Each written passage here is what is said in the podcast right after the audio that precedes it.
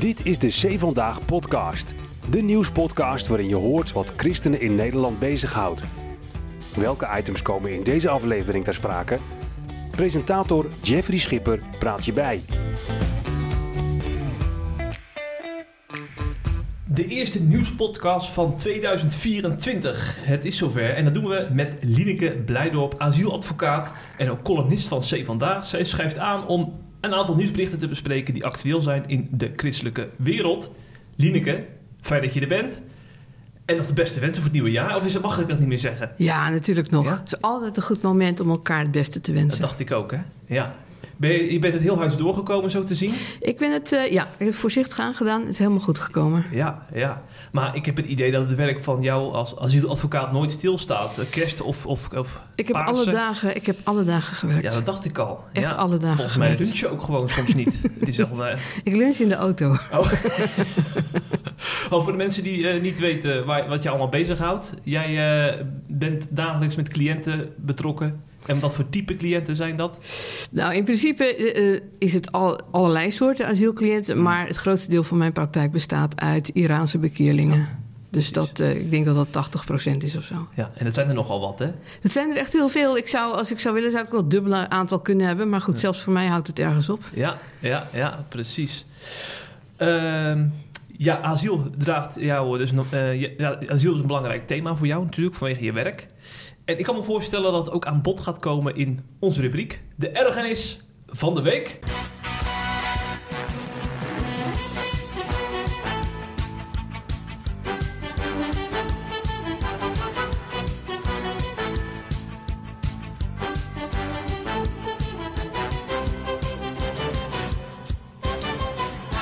Nou ja, kijk, het is een, het is een soort voortschrijdende ergernis eh, die al een aantal weken gaande is natuurlijk sinds eh, de, de uitslag van de verkiezingen. Ik vind het buitengewoon treurig en ook beschamend, echt beschamend.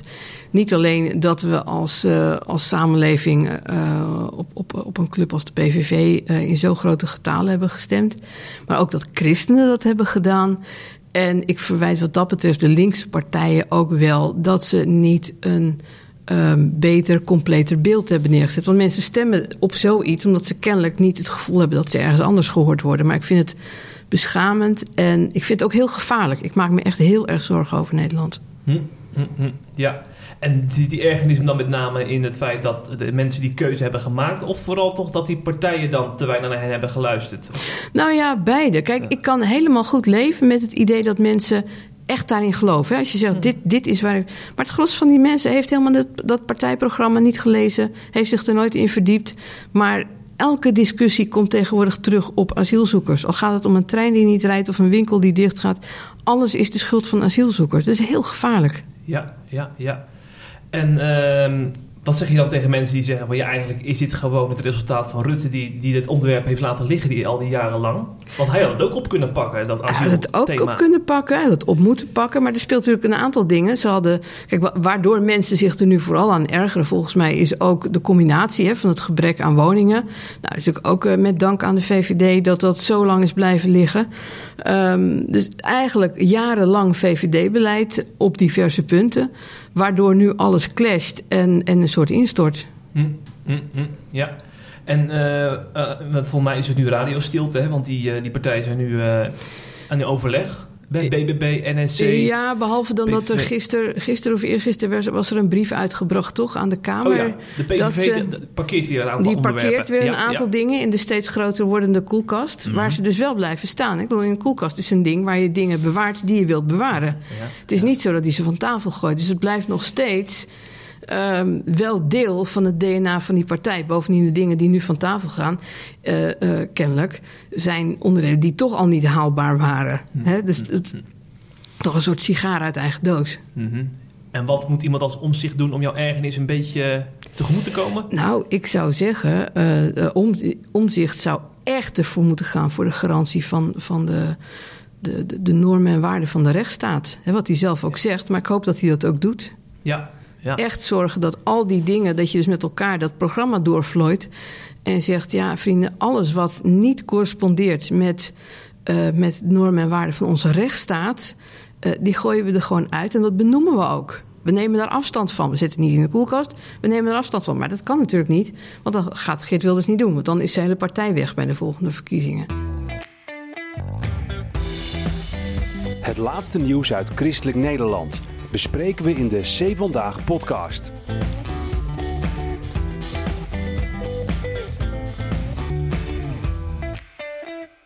Tijd voor het echte nieuws, het harde nieuws.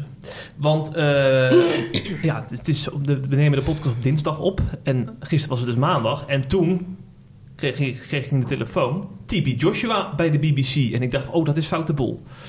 TB Joshua is natuurlijk, uh, staat bekend als profeet, dus aanhalingstekens, uh, evangelist. Overleden overigens in 2021, hè. Maar heeft een bediening opgebouwd van heb ik jou daar. Het begon met een handjevol voor kerkgangers in Nigeria. Het werden er 50.000, een megakerk met uh, wereldwijde invloed. Want mensen kwamen van over de hele wereld naar zijn kerk om, om ook voor hen te laten bidden. Dus er was echt wel iets bijzonders gaande. Ja, maar het was niet alleen maar positief lezen we bij de BBC. Want het, ja, ik lees over verkrachtingen, over mishandelingen. En dan zijn er niet een paar beschuldigingen, maar tientallen vrouwen. En de BBC heeft twee jaar lang onderzoek gedaan. Ze zijn ook niet over één nacht ijs gegaan. Dus we hebben hier nog wel echt een behoorlijke zaak te pakken. En jij kent tenminste kent. Je kent hem denk ik niet persoonlijk, maar je, weet, je bent op de hoogte van de bediening ja, ja, ja. van ja, Joshua. Ja, zeker. Ja, maar zeker. Je komt ook uit de charismatische beweging. Ja, ja, ja, zeker. Ja. Ja. nee, ik ken hem niet persoonlijk. Dat Nee. zou het zijn. Nee, ik ken, eh, ik ken natuurlijk die bediening. En ik ken ook wel mensen die daar geweest zijn. Eh, ja, schokkend. Je kent mensen die daar bereid zijn om voor zich te laten bidden. Of, eh, Mm, niet om, dat weet ik niet, maar ik weet wel dat ze daar geweest zijn bij diensten. Om daar gewoon aanwezig te zijn. want dat fascineert mij dus. Er zijn dus mensen die denken, die wonen dan in Nederland, die denken ik moet naar Nigeria toe, ja. omdat er iets bijzonder, een revival gaande Nou is. ja, dat kan ik, kijk, Ja. dat kan ik me wel voorstellen. Dat je, dat je, omdat als je zelf een hart hebt dat verlangt naar revival, naar opwekking, Mhm. dat je zegt: hé, hey, waar in de wereld is iets gaande? Daar wil ik zijn. Ik wil zijn waar dat vuur is. Ik wil het het liefst ook een beetje mee terugnemen. Ehm, dus dat vind ik niet gek. En er is in, in Nigeria, dat moet je niet, niet vergeten, is al heel lang heel veel revival gaande Mm. op heel veel plekken. Natuurlijk ook enorme weerstand met die vreselijke eh, terreur tegen christenen. ja, ja. Maar er is heel veel gaande in positieve zin. Ja, maar ja, dus ook dit. Ja, precies. Eh, want wat was eh, even terug, een stap terug in de tijd. Hè. Dat was natuurlijk hè, twi- 10, 20 jaar geleden. Toen werd er ook door Ouweneel en andere mensen die hoog, eh, die hoog aanzien hebben in de, in de christelijke wereld, werd er toch wel bewonderenswaardig over Type Joshua geschreven. Van eh, de wonderverhalen die de wereld ingingen, genezingen die plaatsvonden. Op dat moment, wat was jouw gevoel daarbij toen die verhalen jou ter oren kwamen van die wonderen? En, Ehm, nou ja, hè, dat je denkt, hm, wat is dat? Dat in, in eerste instantie, wel ja, tien jaar geleden hadden we al wel internet, maar, maar laat ik zeggen, de periode daarvoor, natuurlijk op een gegeven moment hoor je dat, je leest daar wat over. Ehm, ik vond sommige dingen eh, opmerkelijk, maar goed, mijn houding is nooit eh, primair van, hé, hey, ik snap het niet of ik vind het gek.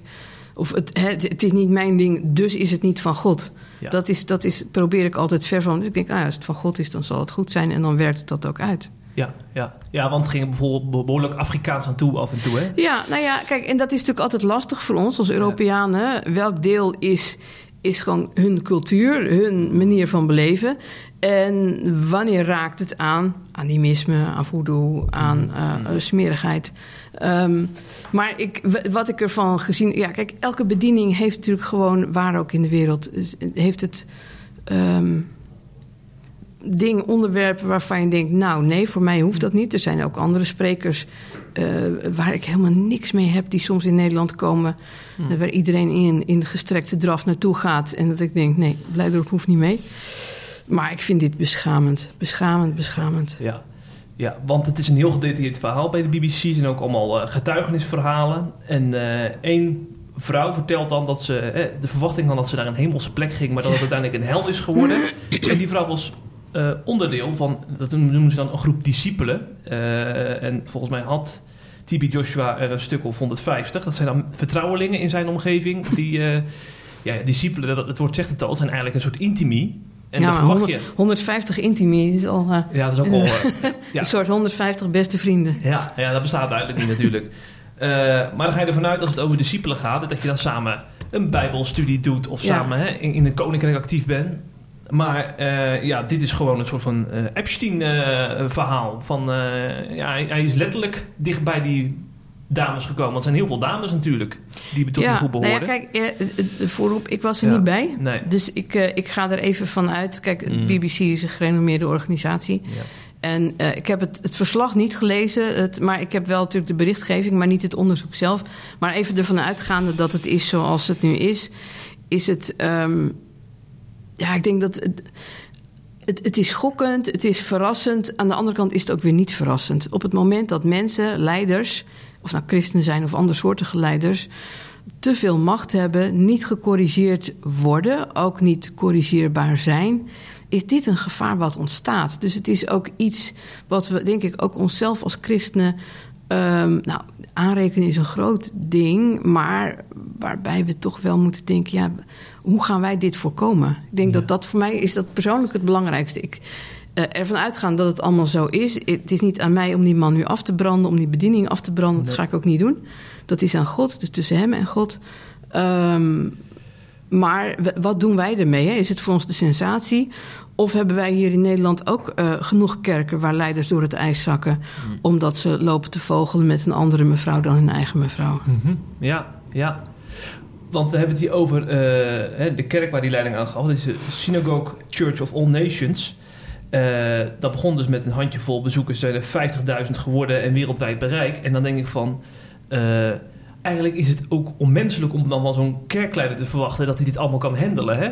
Zo'n zo'n mega Nou ja, het, groei. het vergt, nou ja, niet alleen die groei, maar er zit natuurlijk heel veel omheen. Kijk, op het Ja. moment dat, dat er grote dingen gebeuren, mensen gaan, je, je onderwijst, ik neem aan dat hij dat ook zal hebben onderwezen.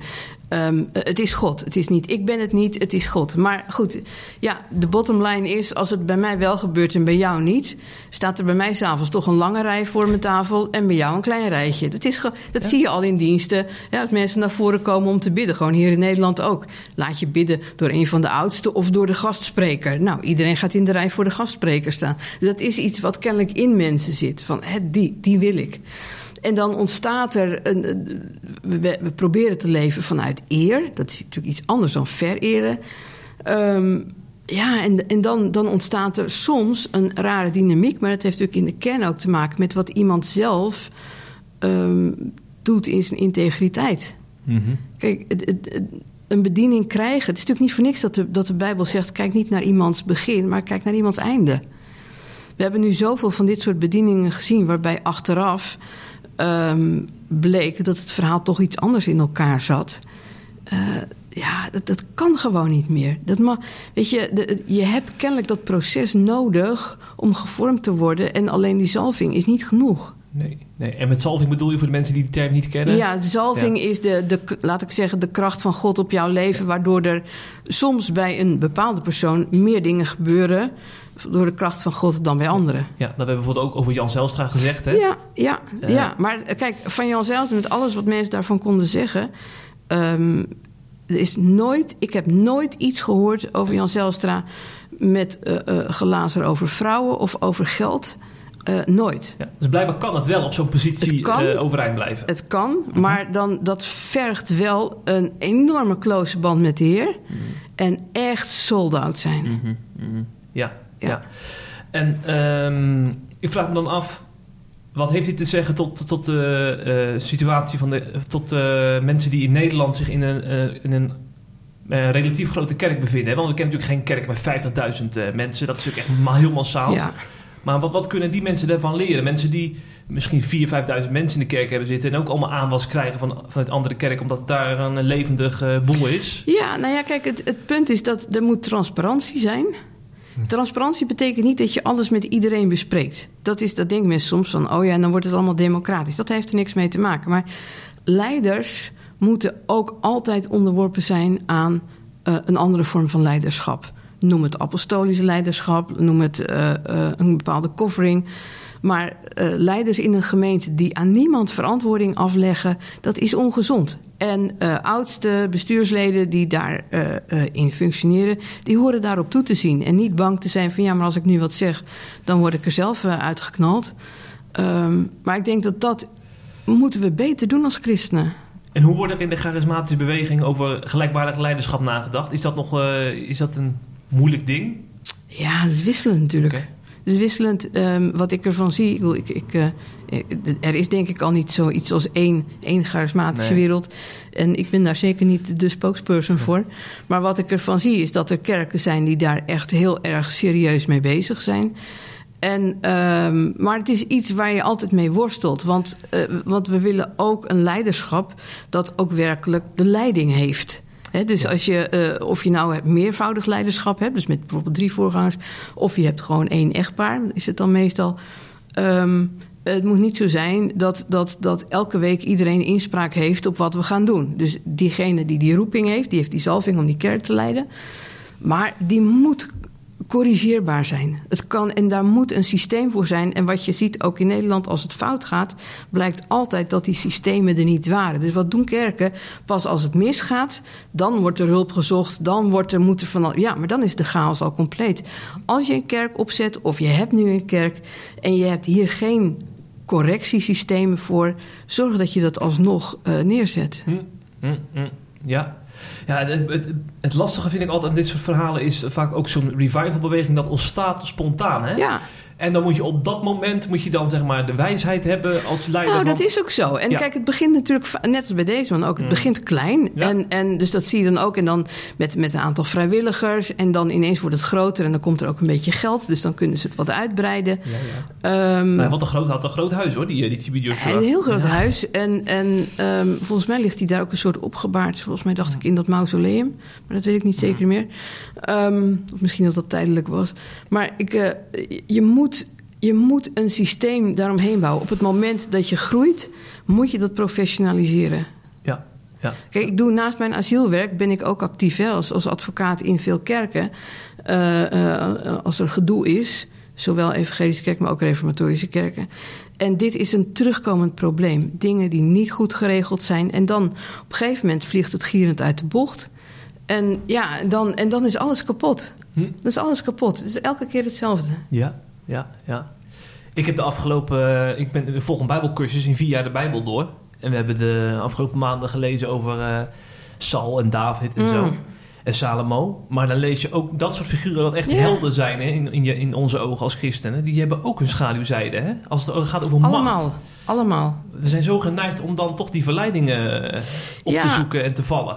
Nou ja, als je kijkt, Salomo is natuurlijk... Maar, maar zelfs iemand als Samuel, die het zo goed deed in de tijd met Eli... en hij, deed, hij bleef het ook wel goed doen... maar je ziet dan toch dat de zonen van Samuel... die eindigen eigenlijk net zo verschrikkelijk als de zonen van Eli. Dus kennelijk is het... Het is gewoon niet makkelijk. En we moeten daar ook niet schijnheilig over doen. En als dingen misgaan, is er altijd een, een, een weg terug. Ik weet niet of dat altijd terug is in de bediening... maar er is altijd een weg terug, weg van herstel... Maar we moeten daar wel serieuzer mee aan de slag. We kunnen niet bidden om opwekking terwijl we dit niet op orde hebben. God kan ons dat niet geven. Nee. Laten we TB Joshua even afsluiten. eh, want er is meer in de wereld. En helaas ook geen positief nieuws in het volgende eh, blokje. Want we hebben vorige week bericht over de meest voorkomende doodsoorzaak in 2023. Eh, nee, ik zeg het verkeerd, in 2022. En dat was abortus. Eh, want in 2022 werden in totaal 73 miljoen abortussen gepleegd. Dit is ook bevestigd door de, eh, de World Health Organization. Dus het is geen vage schatting van een pro-life club. En eh, daarmee is het de meest voorkomende doodsoorzaak. Want eh, daarachter komen, komt kanker met 10 miljoen. eh, roken met 6,2 miljoen. Het gat is enorm, hè? Als je het hebt over 73 miljoen abortus versus 10 miljoen mensen die sterven aan kanker. Eh, maar het moeilijke is, dat zie ik ook in reactie op, op ons bericht... eh, dat het ook wordt gezien als een soort van framing van pro-life christenen. Van eh, jullie willen gewoon eh, dit nieuwsbericht voor jullie karretje spannen. Want vaak wordt het natuurlijk helemaal niet als moord gezien, hè? Of dood. of, of moord of Nee, nou ja, dan heb je aan mij verkeerd, want ik vind dat namelijk ook niet. Nee, nee. Dus Eh. wat, wat, wat vind je dan van het feit dat er zo'n nieuwsbericht überhaupt als even vandaag Ja, verschijnt? ik vind het goed dat je Ja? het meldt. Kijk, ik, laten we zeggen of het nou eh, 70 miljoen... Kijk, wat is het verschil tussen 70 miljoen en 100? Dat, dat is geen verschil. Weet je, het is niet erger... Eén één mensenleven is al te veel, wil je zeggen? Het, het, ja. het, gaat, het gaat om dat er mensenlevens, kinderlevens eindigen. ehm, terwijl we geloven dat dat niet is wat God had gewild. Dat is de ene kant. Uh, dus dus ik, die getallen zeggen me, bovendien uh, 40 miljoen of 70 miljoen, dat zegt me niet zo. Ik heb daar geen beelden bij. Nee. Ik vind het gewoon verschrikkelijk. Um, maar ik geloof wel dat het belangrijk is dat er een gegarandeerd recht is op enige voorziening uh, op het punt van abortus. Um, kijk, wij kunnen niet als christen um, onze normen en waarden opleggen aan de rest van de samenleving. We kunnen daar een mening over hebben. We kunnen denken, ik zou het niet doen. Um, maar we kunnen niet namens de rest, aan de rest van de samenleving zeggen... ja, omdat ik dit geloof, moeten jullie dat ook doen. Dat kan niet. Nee. Dat is voor mij als, als nou ja, misschien ook als, als jurist. Ik hou van de wet. Ik hou van het, het feit dat we gelijke rechten hebben in dit land. Het kan gewoon niet. Maar even los van die, van die, van die even een stap terug. Hè? Want mm-hmm. ik, ik, ik, merk ook aan pro-life christen dat zij, zeg maar, het feit dat, dat dit cijfer bij, bij, bepaalde mensen niks doet, dat zij dat heel erg vinden. Dat ze zo, want de eerste reactie is heel vaak van, ja, maar de vrouw is baas in eigen buik. Ja. Maar die, die mensen communiceren dit cijfer juist omdat ze de ernst van, van ja, het ongeboren leven willen nou ja, Het is ook zien. goed. Ik denk ja. dat ze dat ook moeten blijven doen. Um, uh, ik denk dat het slechtste wat je kunt doen is het niet meer noemen. Alleen zo'n getal, net als wat ik net zeg, zo'n getal zegt me niks. Ik bedoel, als je, je zegt nu, zei je 40 miljoen, 70 nee, miljoen? 73 miljoen 73 2022 in één ja, jaar tijd. Maar ja? als, je, als je zou zeggen uh, 40 miljoen of 80 miljoen, um, dat zou ik net zo erg vinden. Snap je? Ja. Dus, dus ik denk dat als je impact wilt hebben, dat die getallen. Ik begrijp de gedachte erachter wel, maar ik, die getallen zijn voor mij niet echt heel. Bovendien is ook de, de, heeft de pro-life, dat is natuurlijk gewoon vervelend voor de mensen, in, ook bijvoorbeeld in Nederland. De, de pro-life-beweging is natuurlijk ook wel een beetje gekleurd door de Amerikaanse versie daarvan. Uh, waar, waar het eigenlijk gewoon een heel politiek onderwerp is geworden. En waaraan het vasthangt aan dingen waar je denk ik niet aan vast zou moeten knopen. Um, en wat ook altijd een rare discussie is, want de pro-lifers ja, zijn dan helemaal, uh, uh, waar ik het overigens ook bij hoor, maar is uh, het leven is heilig, het leven is van God, het leven is van begin. Alleen als het dan gaat om de doodstraf, dan zeggen we, nou ja, ja nee, maar dat is wat anders. Nou, in SGP-kringen wordt, wordt dat... In SGP, maar ja, in elk geval ja. in de States is dat, is dat een vrij gangbare ja. combinatie. Als je pro-life bent, ben je ook voor de doodstraf. Dat is een merkwaardige combinatie. En, en er zijn meer van dat soort dingen waardoor ik dan denk: mm, nee, daar hou, dat, dat is niet mijn ding. Nee. Maar het is gewoon treurig. Uh, de andere kant is dat we wel iets moeten op het moment dat je daar grote groepen vrouwen hebt, jonge vrouwen, die um, ja, geen oplossing hebben, geen opvang. Ja. Wat moet je daarmee? Ja, ja, ja, ja. Ja, want de kunst is natuurlijk ook om zeg maar, die verontwaardiging die pro-life christen over hebben, om die om te zetten in uh, uh, ja, ook een soort van naast de liefde. Van hoe ga je dan ja. met die vrouwen om? Nou, hoe ga je met die vrouwen om? Maar ook wat doe je daar mee? Uh, doe je daar voor de toekomst iets mee? Um, kijk, het is allemaal leuk dat je zegt we zijn er tegen. Maar oké, okay, wie gaat er dan voor die kinderen zorgen? Hm. Um, laat je ze allemaal adopteren. Uh, prima, goed plan. Wie dan? Ja, ja. Dan moet je wel het echte verhaal willen vertellen. En dat zie ik in de, in de christelijke pro-life beweging. Het is altijd in one-liners. Het is altijd in one-liners. Het is één regel. En dus, of dan gaan we om LHBT of om abortus of om euthanasie. Altijd de, de, vaste onderwerpen. Bam. Twee bijbelteksten en zo is het.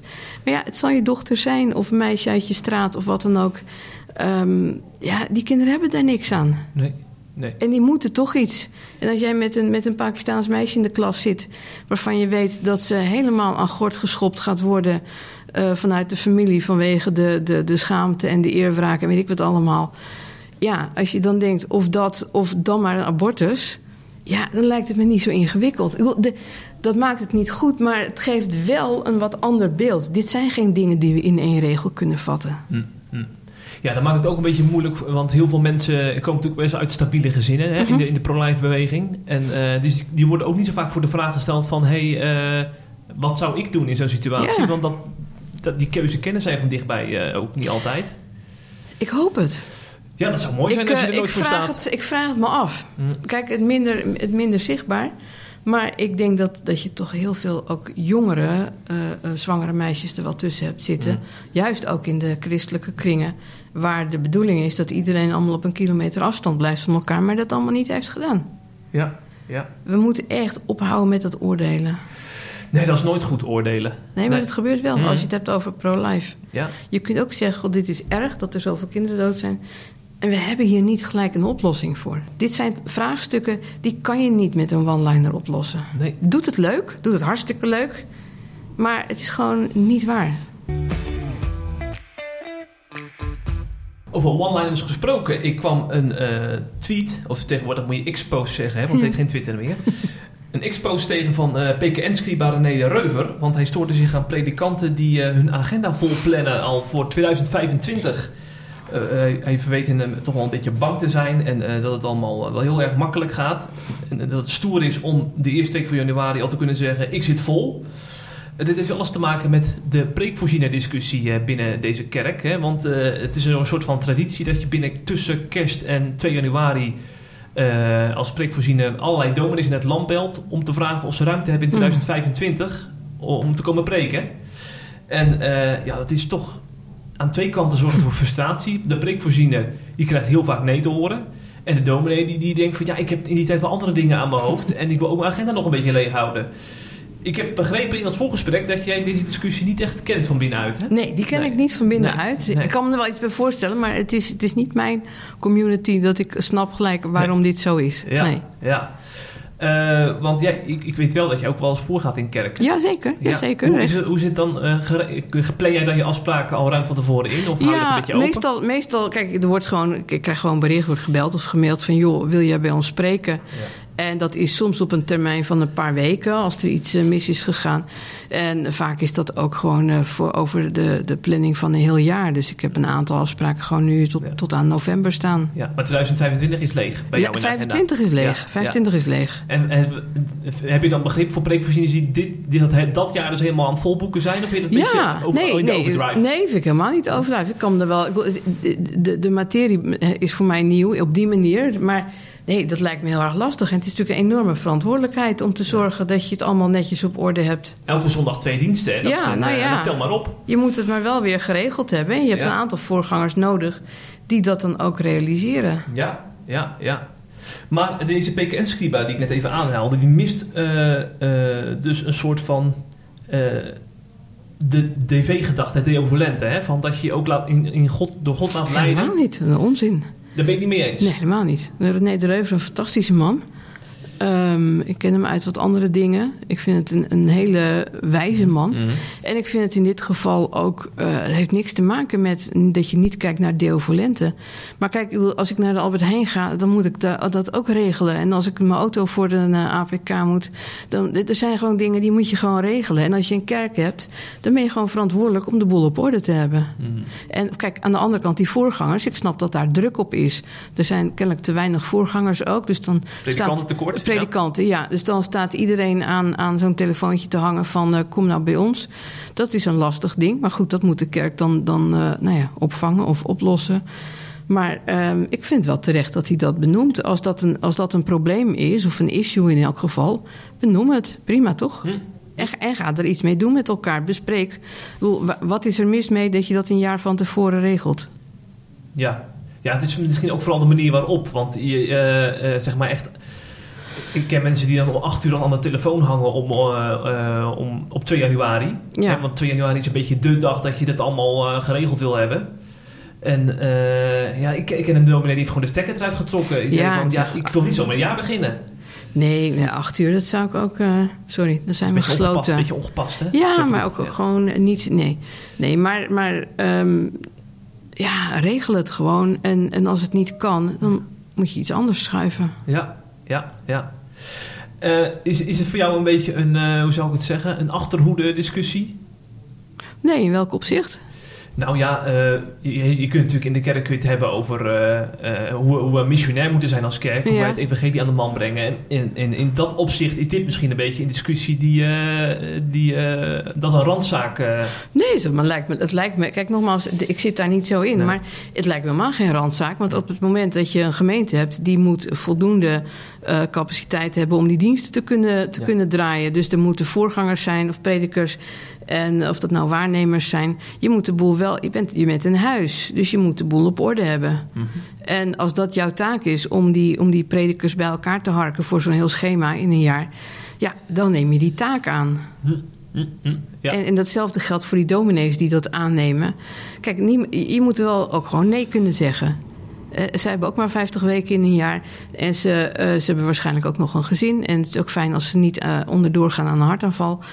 Um, dus de vraag is ook, dat weet ik helemaal niet, maar of dat allemaal heel erg proces-economisch gedaan wordt. Um, moet je de vier, als je, als je nou tekort hebt, moet je dan vier verschillende min of meer gelijksoortige kerken in een stad allemaal willen bemannen? Of moet je het misschien een beetje samenwerken? Ja. Of moet je het misschien een beetje om en om doen, zoals het met de panden soms ook al gaat? Ja, ja, ja, ja.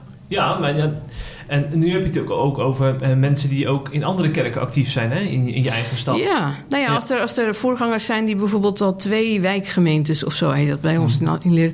Um, uh, ja, dan kan me voorstellen als je er twee locaties hebt, dat je op een gegeven moment zegt: ja, we krijgen dat niet voor elkaar. De ene week doen we dienst in, uh, in deze locatie en de andere week op de andere. En natuurlijk, kijk, niemand vindt het allemaal leuk. Maar op het moment dat de kerk kleiner is, de, de, de groep is kleiner of en of het aantal voorgangers is kleiner. Ja, je zat het een of het ander. Die mensen kunnen zich niet in zessen delen. Nee, nee, is ook zo. Ja, ik moet in ieder geval zeggen dat mijn agenda voor 2025 nog helemaal leeg is. En dat vind ik wel een hele rustgevende gedachte, moet ik zeggen. Ja, ja ik, heb er wel, ik heb wel een paar plannen voor 25, maar niet, niet al dat die vaststaan. Nog niet concreet. En zeker niet met, uh, met, met dit soort uh, punten. Nee. Nee, nee, nee. nee, lekker. Hou dat vast. Um, zeg, wij hebben de traditie in het Zeven Vandaag podcast dat we hoopvol afsluiten. En dat doen we in onze rubriek. De uitsmijter van de week.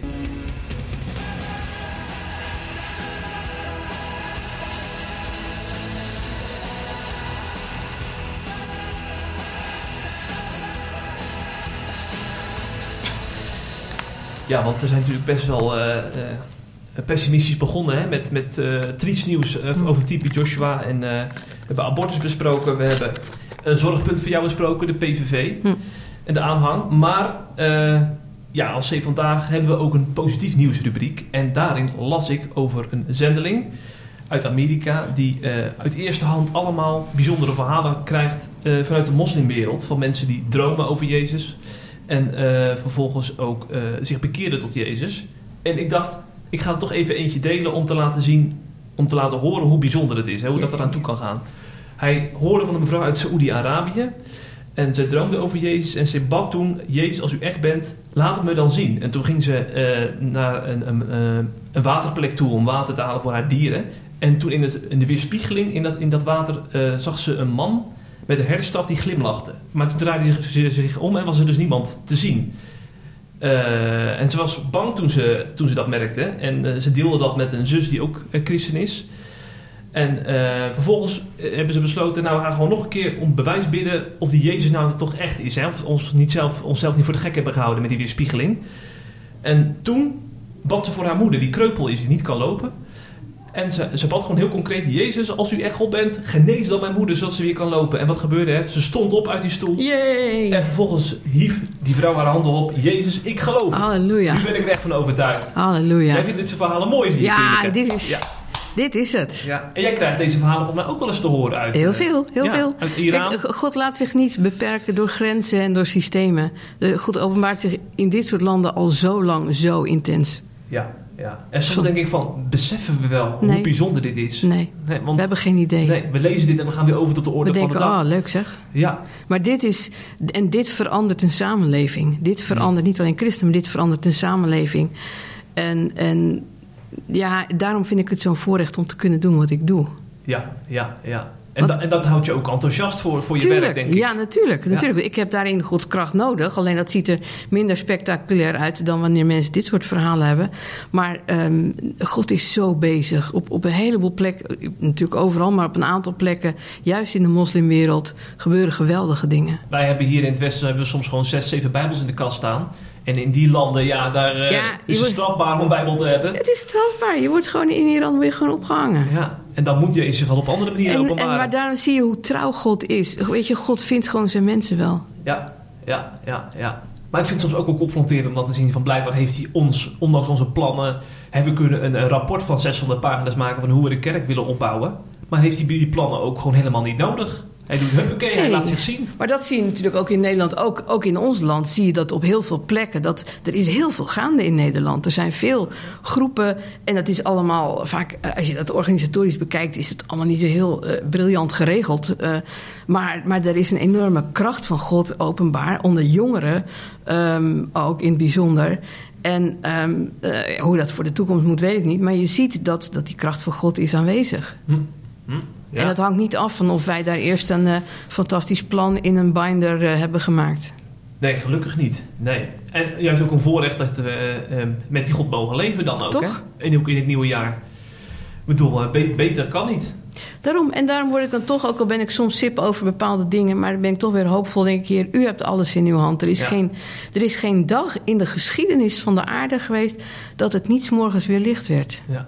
Tenzij je op de Pool woont, maar eh, in, in Nederland, laten we het zo zeggen.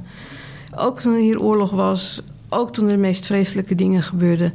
Het wordt altijd weer licht. En ook deze periode zal weer voorbij gaan. En we geloven in de kracht van God, we geloven in de gerechtigheid van God. Mooi. Een hoopvol eh, einde van deze podcast, eh Lineke. Ik zou zeggen, kom nog eens een keer terug later dit jaar om weer andere nieuwsitems te bespreken. We houden contact. En jij schrijft columns voor C Vandaag nog Zeker, steeds. zeker, is de- zeker. Deze week een bijdrage Deze van jou week, verschenen. ja. Ja, dus eh, we gaan nog meer eh, zien de komende tijd. Hopelijk. Helemaal goed. Bedankt Yes. voor je komst naar C Vandaag. En tegen de luisteraars zeg ik eh, tot de volgende podcast. Hopelijk heb je genoten van deze C Vandaag podcast. Volgende week is er weer een nieuwe aflevering. En blijf via cvandaag.nl op de hoogte van het laatste nieuws uit Christelijk Nederland.